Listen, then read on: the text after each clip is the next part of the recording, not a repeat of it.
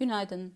Mavi'nin dördüncü çeyrek finansallarına göre cirosu yıllık bazda %120 artışla 1.43 milyar TL, FAVÖK rakamı yıllık bazda %214 artışla 288 milyon TL ve net karı 117 milyon TL'dir. 2020'deki dördüncü çeyrek net zarar rakamı 19 milyon TL seviyesindeydi. Satışlar, FAVÖK ve net kar piyasa beklentilerini sırasıyla %15, %39 ve %106 aşmıştır. Operasyonel performans ve %16 seviyesindeki efektif vergi oranı net karı desteklemiştir. Şirketin 2021 operasyonel performansı kendi beklentilerinin de üzerindedir.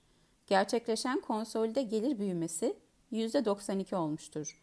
Öngörü %80 ila 85 bandındaydı. Ayrıca operasyonel tarafta UFRS 16 etkilerini içeren FABÖK marjı ise %22,5 olarak gerçekleşmiştir. Öngörü %20,5 ile 21 bandındaydı. Şirket 2022 için beklentilerini ilk çeyrek sonuçlarıyla açıklayacağını paylaşmıştır. İlk çeyreğe ilişkin Türkiye'nin 1 Şubat 13 Mart verilerinde aynı mağaza satışlarında yıllık %36 artış ve online'da %90 artış olduğu paylaşılmıştır. Bunun yanı sıra Rusya'daki operasyonların konsolde gelirde %2 pay sahibi olduğu ve FAVÖK'te majör bir katkısının olmadığının da altı çizilmiştir.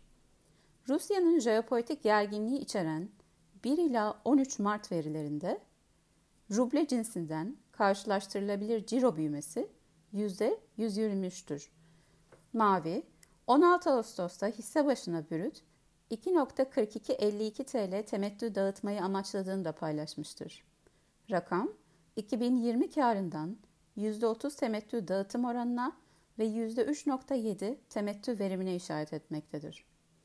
Hisse için güçlü gelen finansallar, UFRS 16 finansallarında da net borçtan net nakde geçiş ve gelecek yıllara yönelik enflasyon beklentilerimizdeki artışın etkisiyle yaptığımız revizyonlarla hisse başına 130 TL revize hedef fiyatla şirket için endeks üzeri getiri tavsiyemizi koruyoruz. İyi günler dilerim.